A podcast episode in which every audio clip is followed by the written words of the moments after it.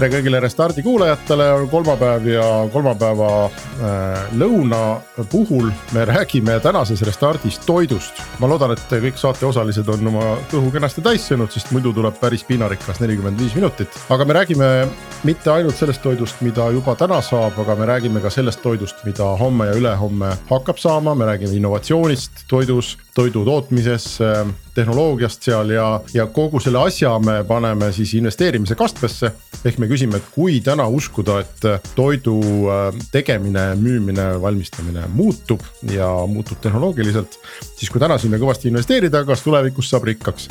nii et äh, selline saade on täna tulemas, olge kuuldel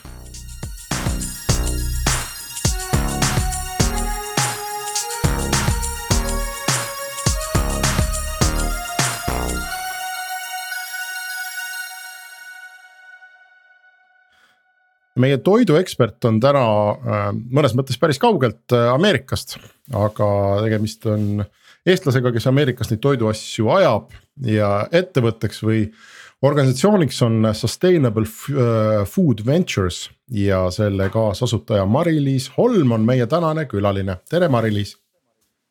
tere kõigile, tere kuulajatele. tere Taavi. tšau ma ei tea, kõht on täis teeme väikse pausi, võtad ühe küpsise. ja ma käisin just Armeenia restoranis ja sõin äh, seal ja šašlõkki. ossa siis me võime rääkida küll. Mari-Liis, sina oled äh, kus kohas, läänerannikul? Ma olen nüüd viimased kaks aastat olnud tegelikult idarannikul Põhja-Carolinas, Jeremy linnas, aga oma Ameerika teekonda ma alustasin jah, päris Silicon Valley'st äh, läänerannikul. mis meil on äh, väga erinevad kellaajad, Taavil on kell kolm, mul on kell kaks, mis kell sul on? mul on kaheksa hommikul, nii et täitsa varajane, veel hommikusöök on söömata, aga hommikutee äh, sidruni ja ingveriga on kõrval olemas. okei okay., kuidas sa sinna Ameerikasse äh, sattusid mis, mis sind sinna viis?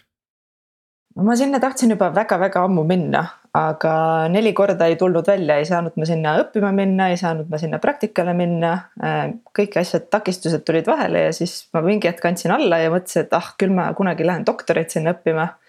ja siis äh, selle asemel ma läksin suveülikooli siis äh, NASA, NASA Ames Research Parki campusesse, mis siis on Mountain Views Silicon Valley's siis nagu Silicon Valley juures ja ja seal me kogunesime üheksakümne erineva inimesega üle terve maailma, meid oli siis kuuekümnest erinevast riigist ja meid oli vanuses seal kakskümmend kuni kuuskümmend viis erinevatelt eh, erialadelt.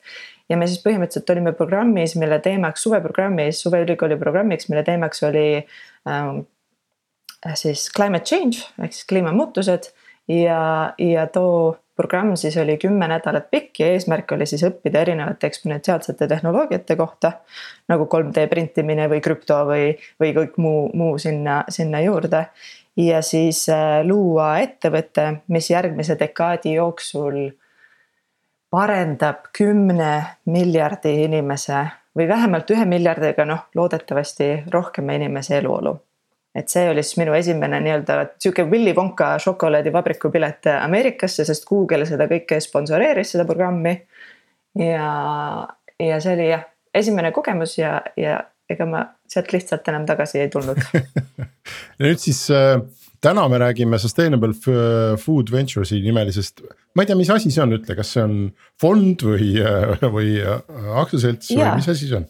Ja venture fund ehk siis äh, invest-, investeerimisfond. Ja, ja kuidas me üldse selle saime alustada või, või, või ma ütleks veel kategooriana nagu mikrofond ehk siis ta läheb alla nagu alla viiekümne miljoni ähm, fondi suuruste, meil on isegi peaaegu et alla viie miljoni suurune fond ehk siis mikroinvesteeringute fond ja, ja ta on veel siis selline organisatsioon nagu Rolling Fund ehk kui te olete kursis, siis Angel tõesti twenty twenty ehk siis kaks tuhat kakskümmend äh, finantsinnovatsiooniga, milleks siis oli nagu kvartali baasine investeeringufond, siis see on see äh, süsteem, mida meie oma fondiga oleme kasutanud siis viimased kaks pool aastat. oota, see tähendab, et äh, või seleta lahti, ma võin iga kvartal panna natukene raha sinna? jah okay., jah, see on nagu siis subscription või mis eesti keeles on, kui sa jah nagu. tellimus jah, jah tellimuse, tellimuse baasil, et, et kvartaliks tuled või kvartaliks lähed, paned vahepeal pausile, tuled tagasi.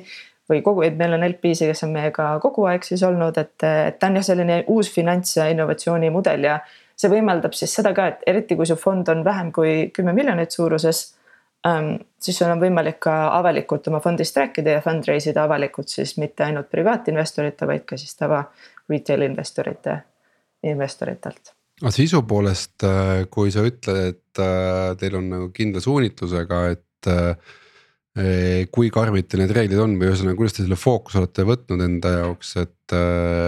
et noh, juba nimest tulenevalt on ju, et mis need reeglid peavad olema selleks, et teie fondi üldse nagu kuuluda kui nüüd investori perspektiivist vaadata, siis äh, on, äh, on erinevaid viise, kuidas olla akrediteeritud ja see on põhimõtteliselt AngelListi platvorm siis vaatab selle poole investoriga üle, mul on hea meel mainida, et meil on Eestis juba kaks investorit ja, ja selles mõttes, et eestlased on selle ähm, müsteeriumi ära lahendanud, et kuidas olla, olla investor siis meie fondis. aga näiteks on meil ka äh, individuaalseid äh, investoreid, kes, kellest ma tean, et äh, näiteks üks, üks on äh, Ameerikas siis äh, läänerannikul äh,.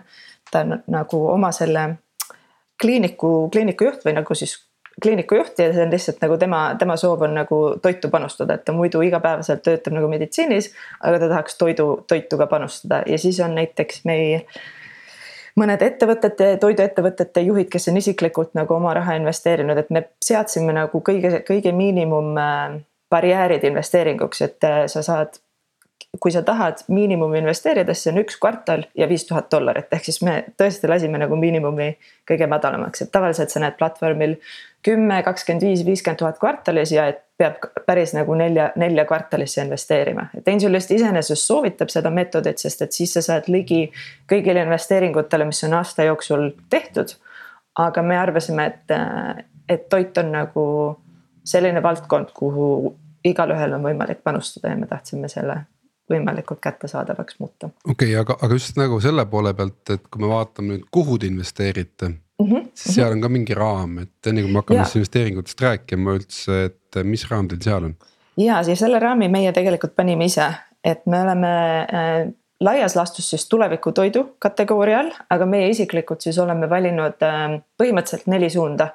et siis äh, raku baasil innovatsioon, mis on siis ähm, tüvirakkudest äh, liha ja ka muude toodete tegemine, nüüd juba ka kohvi ja šokolaad ja, ja muud ähm,, muud toiduained, siis ähm, taimsed ettevõtted äh,, siis fermentatsiooniettevõtted, aga just nagu rekombinantse ehk siis, kus on ka võimalik GMO-d kasutada, et teatud organisme siis äh, muuta, et nad toodaksid siis kindlaid ähm, toiduühendeid, mis on vajalikud toidu tootmiseks. ja neljandana ma pean eraldi välja tooma seened, sellepärast et seened on, kui bioloogiat mäletada, siis omaette kuningriik ja neile meeldib olla eraldi ära äh, mainitud.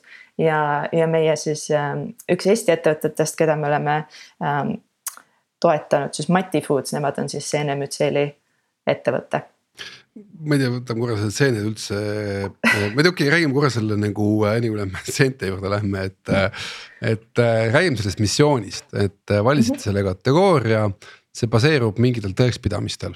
et läheme korra sinna raami, et, et miks just nüüd nagu nii-öelda kestlikud toiduained või, või, või toit, et miks noh, miks see raam, miks see nii tähtis on mm? -hmm ma üritan lühidalt teha, ma võin sellest väga pika isikliku missiooni juttu teha, aga ähm, põhimõtteliselt me tahame olla osa tulevikust, et kui vaadata teisi tehnoloogiasektoreid, siis näiteks kui sa lähed õhtul koju ja noh, Eestis läheb juba talvel kell kolm või neli pimedaks, on ju. ja paned selle tule põlema või teed oma läpaka lahti, siis selle jaoks sa ei saada kedagi või sa ei lähe ise äh, vaalasid jahtima, et saaks neilt seda plöga sealt äh, kätte, et saaks siis nagu lampi põletada, on ju, et tänapäeval on meil elekter valguse ja, ja toimetamise, toimetamise jaoks. Ja siis, kui, kui sa nüüd tööle lähed või noh, kes läheb kodukontorist välja, kes ei lähe, on ju, sa ei võta hobust ja ei sõida kuskile, kuskile teise otsa äh, Tartusse või niimoodi või ei jaluta, eks ju. Ja, ja samamoodi on toiduga, et, et tulevikus lihtsalt äh, need tehnoloogiad, millesse me investeerime, on niivõrd palju efektiivsemad just ressursi mõttes et äh, ma arvan, et tulevikus ei ole nagu küsimust, et, et mida ma hinna ja mugavuse poolest ostan, ma arvan, et äh, tuleviku generatsioonid, nagu meie vaatame praegu tagasi hobustele kui transpordivahenditele ja vaaladele kui nagu valguse või elektri või energiaallikatele me vaatame samamoodi tagasi elusatele loomadele, kui ühesõnaga lehmad kui suur CO2 allikas tegelikult. ja lisaks ikkagi nagu vaja. elusorganismid, ärme seda. ja, seda on märgatavalt vähem vaja, et selle asemel oleks noh, kokkuvõttes me tahame ju purgiri vahel saada lihtsalt mingit massi, mis on kindla maitsega. et äh, kui see maitse. ja toiteväärtusega. ja toiteväärtusega. Mm -hmm. et kui see on nagu tagatud, siis põhimõtteliselt vahet pole, kas ta on saepuru või äh, lehm on ju ei no iseenesest tegelikult on suur vahe ja võib-olla just ma tooks selle näite nagu ma töötasin ise Finless Foodsis enne siis fondi alustamist, see on tegemist on siis maailma erineva esimese äh, kala, raku baasil kala, tuunikala ettevõttega. ja, ja võib-olla kui rääkida natuke kaladest, noh tuunikala tootmine on põhimõtteliselt võimatu nagu inimestel kuskil mingites äh, äh, ujumisbasseinides, sest nende vajadus nagu ujuda ja, ja seda liikuda on niivõrd suur, et, et me seda ei saavuta. aga kui rääkida lihtsalt nagu näiteks lõhekalast on ju, keda, keda tihtipeale kasvatatakse erinevatel viisidel, siis kui me võtame raku baasil kala, siis ainult äh,, meil on ainult viitekümmet protsenti sellest kalast tegelikult vaja, mida me sööme, me ei söö silmi, me ei söö uimi, me ei söö äh, aju, me ei söö seda luustikku seal, me sööme reaalselt ainult seda äh, fileetükki et, et põhimõtteliselt ressurssidega nagu on võimalik juba kohe viiskümmend protsenti vähemaks asju saada. ja teistpidi, kui sa oled kala vastu allergiline ja sulle keegi teeb saepurust kala, siis sa saad seda saepuru kala süüa, sest sa ei ole saepuru vastu teoorias allergiline. aga kui sa võtad raku baasil kala, siis ja sa oled kala vastu allergiline, siis sa paraku ei saa seda süüa, sest et see on täpselt seesama kala. see on täpselt seesama lihasrakud, see on täpselt seesama okei okay,, aga mõtlengi, et äh, üks on see pool, mis sa nagu tõid praegu selle välja just selle koha pealt, et äh, selles valdkonnas nagu suurt innovatsiooni pole veel käinudki, eks äh,. kui palju seal on ikkagi seda teemat, et äh, kliima soojeneb ja põhimõtteliselt, kui me ei lähe selle teema peale, kui me ei hakka äh, rakkudest või tüvirakkudest äh, liha kasvatama, on ju.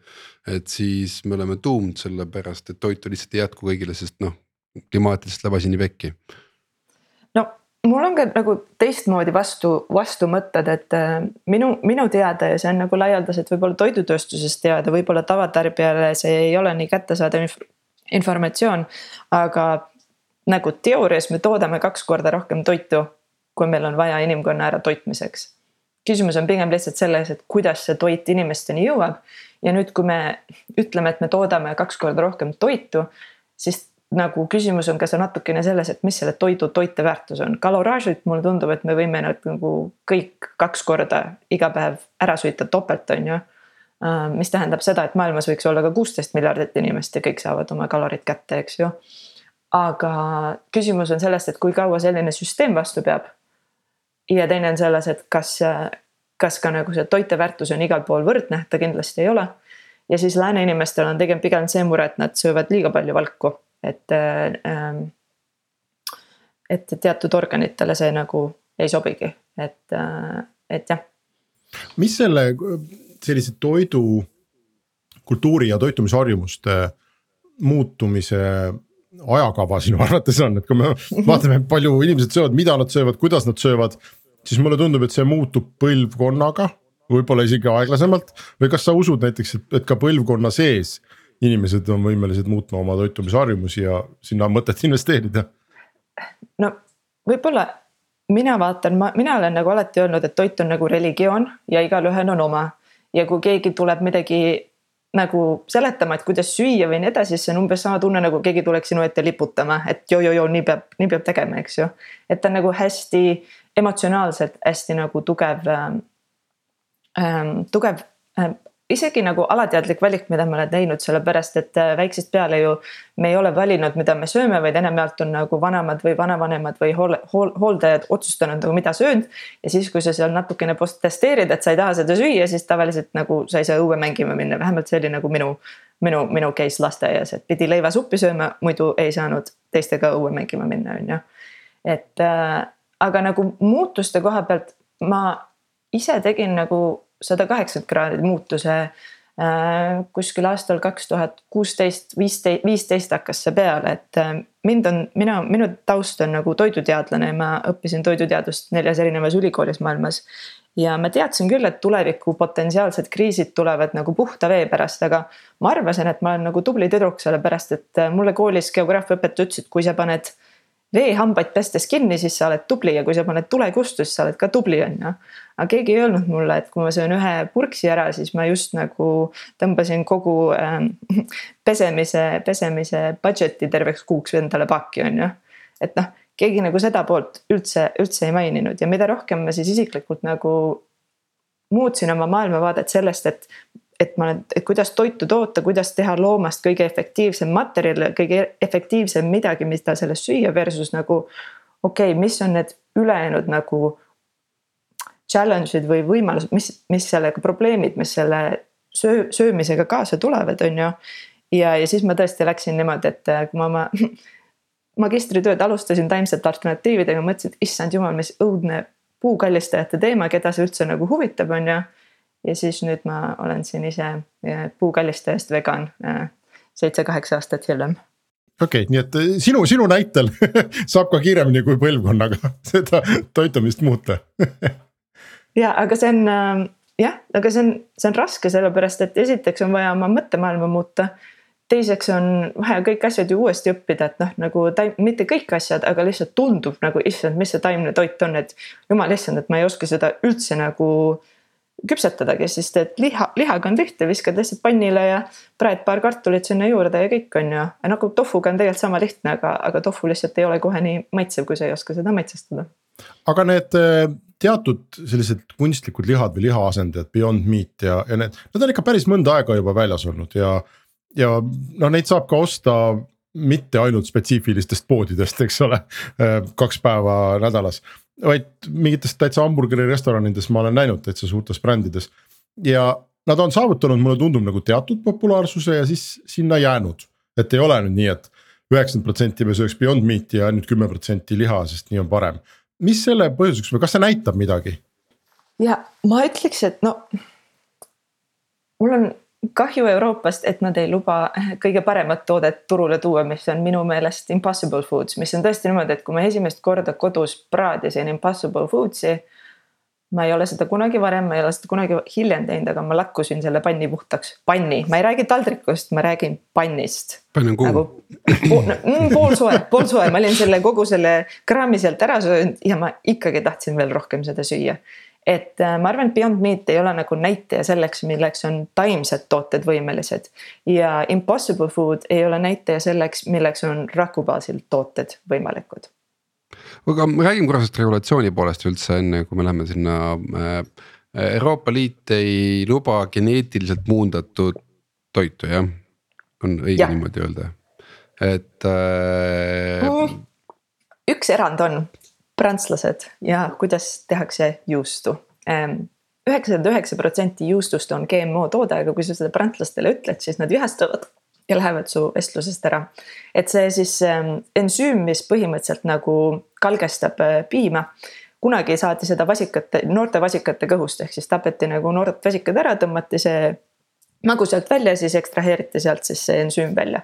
nüüd on olemas ähm, mikroorganismid, kes siis GMO muundatult toodavad siis seda ensüümi ja siis seda pannakse juustutootesse, nii et kui sa prantslastele ütled, et nende juust on GMO, kui sa tahad neid närvi ajada, siis see on nagu üks variant, kuidas seda teha, ehk siis põhimõtteliselt nagu.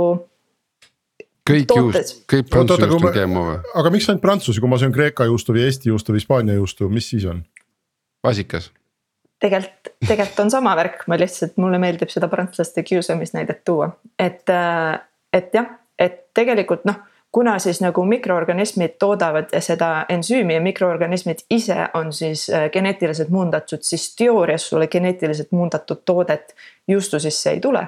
aga GMO tehnoloogiat on juba kasutatud selle toote tootmiseks. nii et seal on nagu väike vahe sees, et kas see geneetiliselt muundatud äh, organism ise jõuab sinu tootesse või lihtsalt sa kasutad tema nii-siis öelda nagu välja, välja sekreeti ehk siis mida ta endast nagu välja annab, et äh, see on täitsa huvitav debate, et kas me sööme GMO juustu Euroopas või me ei söö GMO juustu Euroopas. aga põhimõtteliselt sa ütlesid praegu, et kõik juust on GMO Eestis, Euroopas ma ütleks, et GMO protsessi on enamus juustudel, juustudel kasutatud selleks, et siis rennet ensüümi saada, mida siis pannakse siis kalgendamisesse protsessi sisse. ja kindlasti peale seda ma loodan, et väga palju piimatoot- või juustutootjad, kes ise siis selle vasika kõhus selle ensüümi kätte saavad, ei tule mulle ütlema, et nende juust on on traditsiooniliselt tehtud, ma usun, et see, ma tean, et selliseid tooteid on ka väljas, aga ma räägin tõesti nagu industriaaltasemel toidu tootmisest okei okay,, aga mõtlengi, et äh, mis veel nagu Euroopat nagu häirib, et miks me nii-öelda siis seda ei ole nüüd Ameerika teed läinud ja, ja, ja ei söö nagu kuue meetri kõrgust maisi siin oh.? ma ei tea, ma olen viimasel ajal vaadanud Euroopat kui muuseumi, aga siis ma olen jälle mõelnud nagu, et okei okay,, et mis on need väärtused, mida me, mida me hoiame, on ju, et ähm,. no tegelikult peab ka vaatama seda, et, et mis mis on nagu see, mis on see äh, initsiatiiv regulatsioonide läbiviimiseks, et kas see on tõesti nagu tarbija ähm, tervis või on see viis, kuidas teatud ähm, organisatsioone ähm, hoida positsioonis, kus neil on võimalik saada kõige suuremaid ähm, toetuspakette ja endiselt olla market turuliidrid äh, lihtsalt rahalise poole pealt, et küsimus ongi selles, et mina nagu, ma olen toidus kõiki alasid puudutanud, välja arvatud siis in, nagu sügavuti ähm, äh, nutrition'it ehk siis nagu siis äh, seda toitumist ja, ja, ja asjade toiteväärtust. ja teine asi, kus ma nagu arvan, et ma tulevikus hakkan toimetama, aga praegu ei ole piisavalt palju teadmisi, on äh, poliitika ja regulatsioonide vallal. et see on nagu see maailm, mis äh, mis määrab. ärme sinna praegu lähe, lähme, lähme teeme, teeme saate uuesti nagu tagasi põnevaks, nii teil on fond, teil on neli äh, põhifookus, fookusvaldkonda. kuna meil on lühike saade, siis äh, teeme nüüd ühe sihukese hästi kiire külaskäigu äh,. enne kui me hakkame teile päris nagu portfelli ettevõtetest rääkima, küsime, et mis on nendes neljas valdkonnas, kus te olete praegu peamiselt nagu fokusseeritud äh,. kõige niisugune, ma ütlen siis nagu trendikam või kuumem asi, mille tulemusi me tõenäoliselt nagu ütleme lähima viie, kümne aasta jooksul hakkame nägema. Et äh, ma ei tea, alustame seentest. sul ikka need seened, Taavi, on kuidagi seentel on jumala väike toiteväärtus muide oleneb, millega seda võrdlete, kui teha seenest nagu biomassi ja siis sellist nagu mütseeliumi niidistikku, siis selle valgusisaldus on korralik. et kui lihtsalt võtta see šampinjon, siis, siis nagu see päris, päris sama, need ei ole nagu omavahel võrdväärsed. šampinjon nagu tiktok, ainult kaks kalorit TikTok või TikTok, mis sa ütlesid, TikTok? TikTok, vabandust jah, okay. aga ei, see, seene, seeneniiristik on nagu teine lugu, et, et kuidas seda toota ja mida sellest toota et ma arvan, et. Äh, nii, aga toome nüüd konkreetsed näited, mis on kõige kuumemad asjad, mida me hakkame kas oma laual nägema või me hakkame mingit segama seda kuskile või nagu äh, ja võtan neli valdkonda ja mina arvan, et, et kui Eesti tarbijatest rääkida, siis äh, Mati Foodsi seenemütseeli kõigepealt on neil väljas kanafileed, mille siis saab teha nagu päris fileena või siis tükkidena. seda on juba osad inimesed äh, selles mõttes tarbijana juba, juba saanud proovida äh,. rohekohvik oli minu teada esimene, kus siis seda debüteeriti ja neil on väga, teine väga huvitav toode tulemas äh, turule, turule arvatavasti juba see aasta, võib-olla ka, võib-olla järgmise aasta alguses, ma ei taha neile liiga suurt pressure'it timeline'iga peale panna. aga, aga seene, seeneniidistikust jah äh,, äh, põhimõtteliselt nagu fileetükid, sest et siiamaani on nagu tehtud ikkagi sihukest hakkmassi ja selliseid asju, aga et oleks nagu päris nagu kohe nagu tükk midagi, ma arvan, et see on, see on see, mis, mis on lähituleviku muusika. okei okay, okay, need olid seened jah, jah Need on need seened jah, ja need on just seenemütseelium iseenesest ja siis ähm, kui rääkida äh, raku baasil, siis väga-väga põnevad ajad on, sest et äh, praeguseks on juba kaks Ameerika, noh võib Ameerikast ka rääkida, et nagu ma ei tea, millal mhm. see Euroopa ja mm, -hmm. ja niimoodi selle rakubaasiga järgi tuleb. aga kui Singapuris tulid aastal kaks tuhat kakskümmend juba äh, äh, tooted turule äh, rakubaasil siis kanaliha nuggetsi moodi tooted, siis Ameerikas on praegu äh, kaks ettevõtet, kellele on antud roheline tuli FDA poole pealt äh,. vaja on veel ühte rohelist tuld USDA poole pealt, mis on palju lihtsam. ja siis on siuksed jutud, et, et Californias äh, selle aasta teises pooles tulevad esimesed raku baasil tooted Ameerikas turule. mis see raku, oota, aga seleta nüüd hästi, mis need raku baas, kas need on siis no, labori, katseklaasi liha nagu nimetatakse või?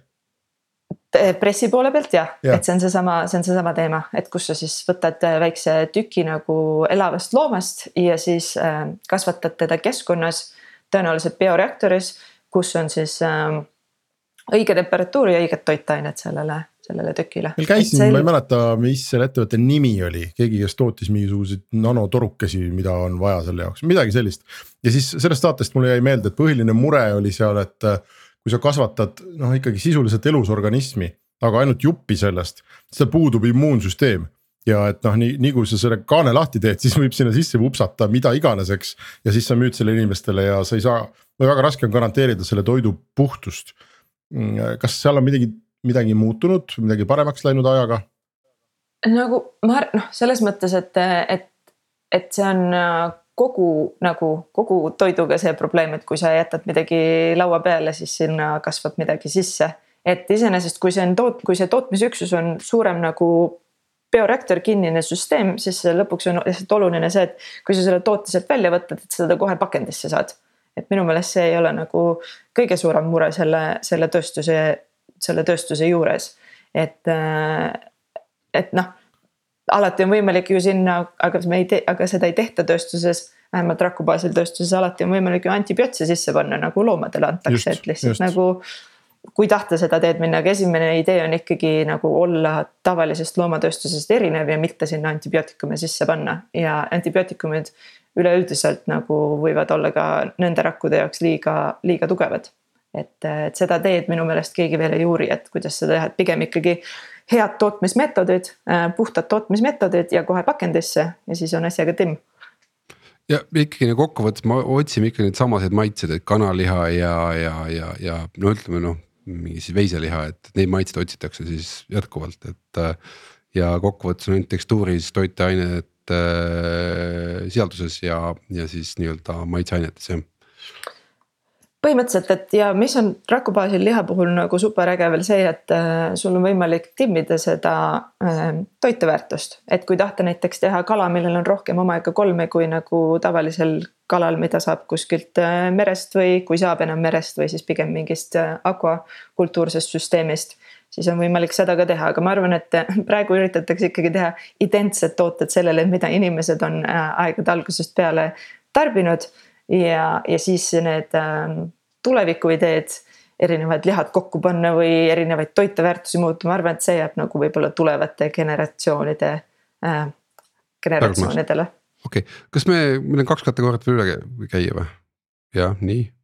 põhimõtteliselt äh, taimse poole pealt, et kui, kui taimsetest äh, nagu rääkida, siis äh, mina arvan, et taim, taimsega on juhtunud see, et äh, on tulnud nagu nii palju tooteid turule ja tooteid tulnud turule just sellistest kohtadest, kes on tahtnud siis selle trendiga kaasa minna ja midagi enam-vähem kuskil kokku visanud ja lihtsalt turule tulnud, et olla osa siis sellest äh, uuest äh, nii-öelda liikumisest.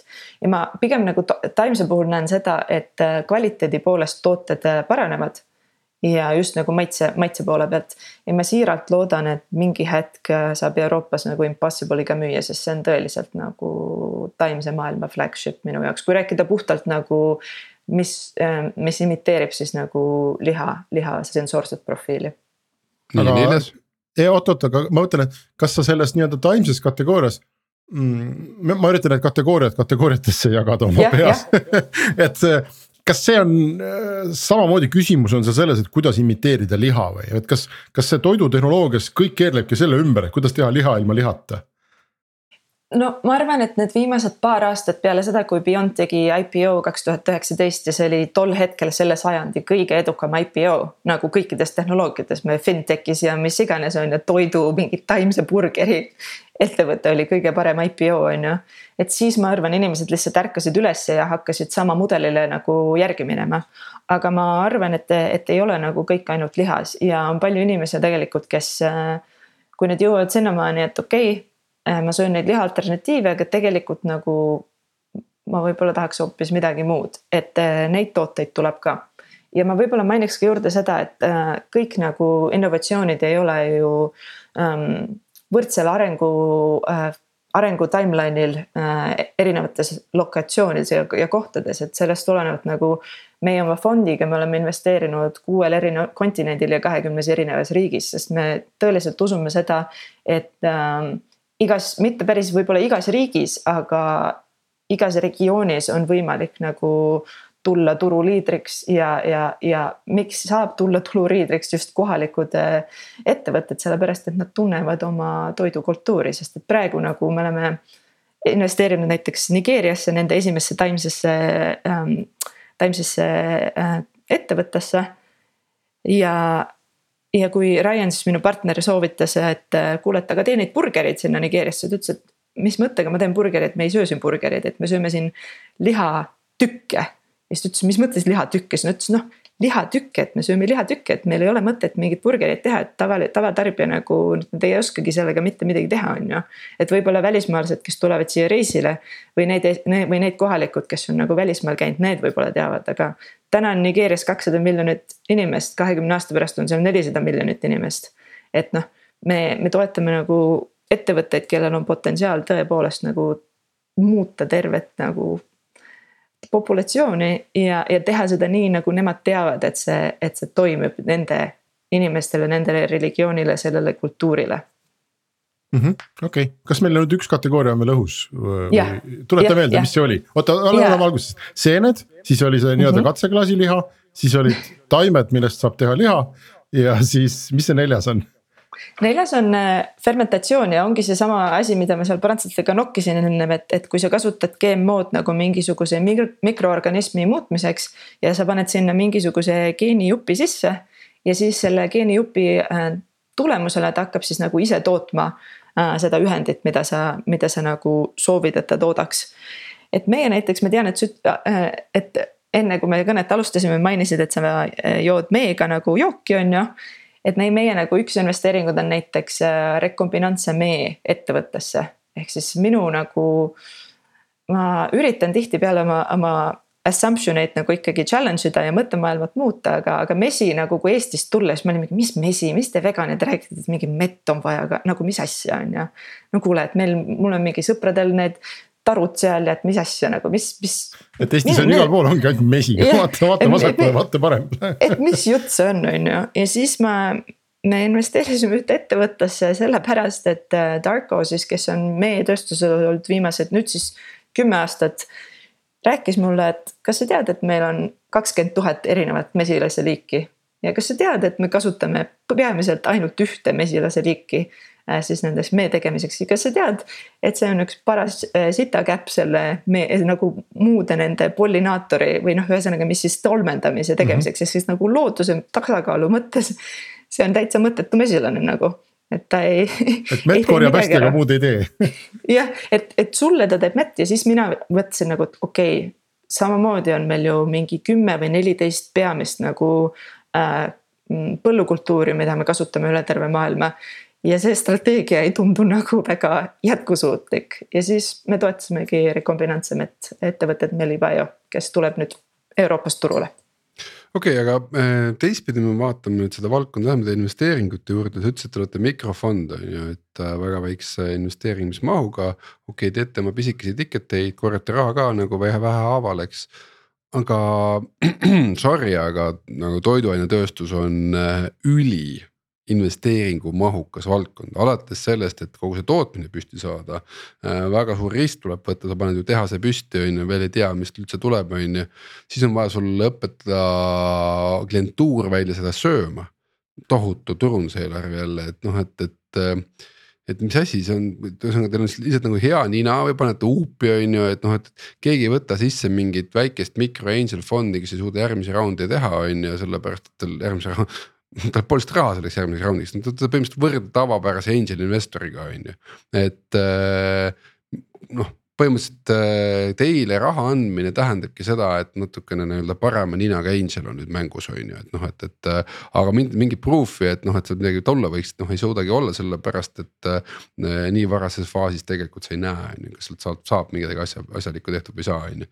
ja sa põhimõtteliselt ostad loteriipileteid, on ju, üks võidab, siis on kõigil hästi, on ju, aga, aga, aga noh, põhimõtteliselt võib ka täitsa mööda minna, on ju, et et mismoodi see nina nüüd siis töötab täpselt ikkagi tahaks teada ja väga lahe, et sa nina mainid, sest ma teen parfüüme ka para-, paralleelselt, et see nina on, on väga hea, väga hea küll jah. aga nina ei ole mitte ainult hea mul, vaid, vaid ka mu partneril, et me oleme, meie investeeringud on suurusjärgus viiskümmend kuni sada viiskümmend tuhat dollarit. ja me oleme neid teinud viiskümmend kolm viimase kahe poole aastaga, ehk siis me oleme nagu väga tihedalt investeerinud ja väga globaalselt, nagu ma ennem mainisin. ja ähm, äh, Nendest investeeringutest siis esimene nagu esimene ettevõte, kes nii-öelda meie fondis näitas mingisugust tulemust, oli see, et ta tegi pooleteist äh,, pooleteise aasta peale meie investeeringut ah,, võib-olla mainin ka seda, et viiekümnel protsendil juhtudest oleme esimene investor ettevõttesse, et me oleme isegi ja, enne ma..., enne Angel'id, enne perekonda, enne, enne muid asju. enne F, enne FFF-i veel juba olete platsis. enne FFF-i. Te olete mm -hmm. tüüpiline Angel selles mõttes, et nagu Angel'id on ka enne perekonda ja muud asju, et noh, ütleme, ärme seda vaidle siin praegu, aga lähme ja. edasi, nii, jah. aga äh, esimene ettevõte meie siis portfooliost tegi siis pooleteist aastaga ära nagu äh, äh, Series A mis on meie jaoks nagu suur, sellepärast et kui sa investeerid biotehnoloogiasse ja toitu ja siia valdkonda, siis see tavaliselt on no ikkagi pigem nagu viie-seitsmekümne aasta horisondi nagu investeerimise, investeerimise tegevus. aga minu, minu partner siis, kui te olete kuulnud seda es, no, ähm, esimest Raku baasil ettevõtet, mille nimi on Upside Foods äh,, tema oli sellesse ettevõttesse esimene investor aastal kaks tuhat viisteist. Äh, ta veenis siis Uma Veleti, kes on siis doktor Uma Veleti, kes on siis selle ettevõtte juht, ennem oli kardioloogia professor. mine äh, siin Ameerikas veenis ta siis alustama siis seda esimest raku baasil ettevõtet. ja praeguseks on siis tegemist unicorn staatuses äh, ettevõttega ja tal on veel paar unicorn'i siis nendest äh, äh selle, selleaegsetest investeeringutest, et äh, tol hetkel, kui ta investeeris äh, Memphis äh,, tol ajal oli siis nimi Memphis Feeds, nüüd on Upside Foods Äh, siis öeldi, et äh, tegemist on science fiction'iga, täiesti mingi ulme teemaga, keegi seda ei rahasta, mitte midagi siin ei juhtu, on ju. nüüd nad on vist äh, äkki nelisada miljonit kaasanud või midagi sellist, et nad on korralikult kaasanud ja, ja teine siis, mis on unicorn staatuses, on ettevõte Notco, et siis Ladina-Ameerika esimene siis taimse baasil ettevõte, milles siis viimases raundis Jeff Bezosi Expedition Ventures investeeris et äh, sinna tema samamoodi siis kutsus äh, äh, Mattiase oma inkubaatorisse, investeeris, siis Mattias läks tagasi Ladina-Ameerikasse, võttis terve Ladina-Ameerika turu üle ja nüüd on Ameerika turul ja alguses talle öeldi, et mitte keegi Ladina-Ameerikas ei taha taimset tooteid. täiesti mõttetu turg, täiesti mõttetu idee, seda ei peaks üldse tegema ja muideks ta ise nagu mina juhin meile fondi, aga tema igapäevatöö on siis ähm, juhtida Taimse ja Raku baasil koeratoiduettevõtet. okei, ja koeratoit ei ole teie fondi äh,. ei, see on ainuke, ainuke koht, kuhu me, me kon, huvikonflikti tõttu äh, ja oma LP-de südamerahu äh, ja Ryani investorite südamerahu poolest ei lähe. See on tegelikult sellepärast, et vaat see on nihuke termin olemas nagu you should eat your own dog food. ja, ja kui te, kuna te ei sa... olnud nõus seda sööma, siis me varem ei investeerinud sinna. tead, kui sa vaatad Ryani reklaami, siis ta sööb, äh, tema üks reklaamidest on sellest, kuidas ta ise sööb enda tehtud koeratoitu ja siis Shark Tankis ta close'is Mark Cuban'i ja kõik, kõik Sharkid sõid ka seda koeratoitu, ütles, et polegi väga viga päris hea koeratoit on okei aga see, aga selline fondi igapäevane toimetamine, siis ma saan aru, et sinu selline väljakutse on leida need kohad üles, kus sa enne FFF-i saaks kohal olla ja, ja oma raha mm -hmm. panna mm. -hmm. ja see on nagu noh, ma ütleks isegi, et network efekt, et kui Ryan on investeerinud praeguse seisuga alates aastast kaks tuhat viisteist aastast saja kaheksakümnesse erinevasse ettevõttesse ja nendest saja kaheksakümnest me oleme koos investeerinud viitekümmet kolme. siis paraku, kui sa investeerid nagu ettevõtjatesse, siis nende kõige lähem seltskond on järgmine set kümme või kakskümmend ettevõtjat. et meil see nagu, selline niidistik nendest ettevõtjatest ja, ja inimestest, kes kes alustavad oma ettevõtteid, on väga tugev ja see on üle terve, üle terve maailma ja meil on pigem nagu probleemiks see, et meil on rohkem rohkem soov investeerida, kui meil, kui meil alati kapitali on iga kvartal äh, kvartal available, et meil on pigem see, aga samas see ka nagu tõstab selle äh, kvaliteeti, kellesse me siis lõpuks ikkagi investeerime kokkuvõttes midagi on kahtlast, et kui te olete nii hea ninaga, siis nagu äh, omada nii väikest fondi ei tundu kuidagi nagu noh, ühesõnaga. kõik me tahame ju tootlust saada ja väga head tootlust saada, nii et, nii et et võiks nagu see fondi maht nagu suurem olla, et. Äh, no hea, hea, et sa seda mainid, sest et äh, sügisest meil on plaan äh, plaan su-, suurema su,, suuremateks ideedest, eks ma siis hoian, hoian kursis.